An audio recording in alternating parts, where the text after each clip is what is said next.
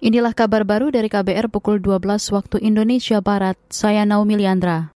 Pemerintah bakal memberikan layanan pemulihan bagi para korban dan keluarga korban pelanggaran HAM berat masa lalu.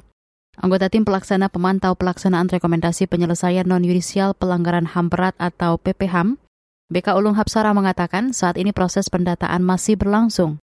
PPHAM adalah tim yang berkedudukan di bawah dan bertanggung jawab kepada Presiden.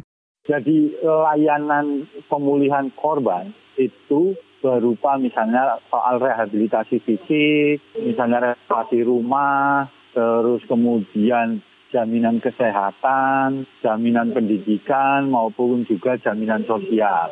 Arti jaminan sosial ini ada yang diikutkan dengan dalam program yang sudah ada tetapi kemudian diberi tambahan layanan yang lain begitu BK Ulung Hapsara menambahkan Presiden Joko Widodo akan mengumumkan penyelesaian 12 kasus pelanggaran HAM berat masa lalu secara non-yudisial pada 27 Juni 2023. BK menyebut salah satu bekas lokasi tindak kekerasan yaitu di Rumah Gedong Kabupaten Pidi Aceh bakal dipilih sebagai tempat pengumuman kepala negara. Sebelumnya tim PPH merekomendasikan sejumlah rekomendasi, antara lain pemulihan bagi korban pelanggaran HAM berat. Kabar Pemilu Kabar Pemilu Menteri Dalam Negeri Tito Karnavian menginstruksikan seluruh kepala daerah dan pejabat kepala daerah mengantisipasi potensi konflik menjelang Pilkada 2024. Menurutnya, potensi konflik di masyarakat perlu diredam dengan pendekatan dan sosialisasi yang melibatkan kepala desa hingga camat di daerah.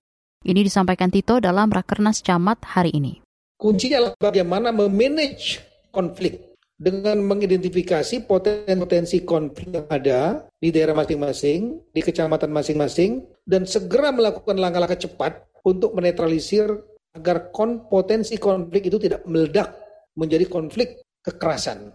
Tugas yang tidak ringan, karena ini memerlukan passion, memerlukan kemauan untuk bekerja dan bergerak masuk ke semua lini masyarakat Menteri Dalam Negeri Tito Karnavian menambahkan Pilkada 2024 bakal menjadi rumit dan kompleks karena dilakukan hampir di seluruh provinsi dan kabupaten di Indonesia. Pilkada akan digelar 27 November 2024. Saudara, dua kelurahan yakni Bebali dan Tarorane di Kabupaten Kepulauan Sitaro, Sulawesi Utara merupakan lokasi rawan banjir material vulkanik erupsi Gunung Karangetang. Dilansir dari antara Kepala Bidang Kedaruratan dan Logistik BPBD Sitaro, Sony Balseran, mengatakan dampak curah hujan yang mengguyur Pulau Siau pada beberapa hari belakangan membuat potensi terjadinya banjir material erupsi. Sebelumnya, Badan Geologi Kementerian ESDM telah melarang warga memasuki radius bahaya 2,5 km dari kawah utama Gunung Karangetang di Sulawesi Utara. Gunung setinggi 1.800-an meter di atas permukaan laut itu masih pada level 3 atau siaga. Demikian kabar baru KBR, saya Naomi Liandra.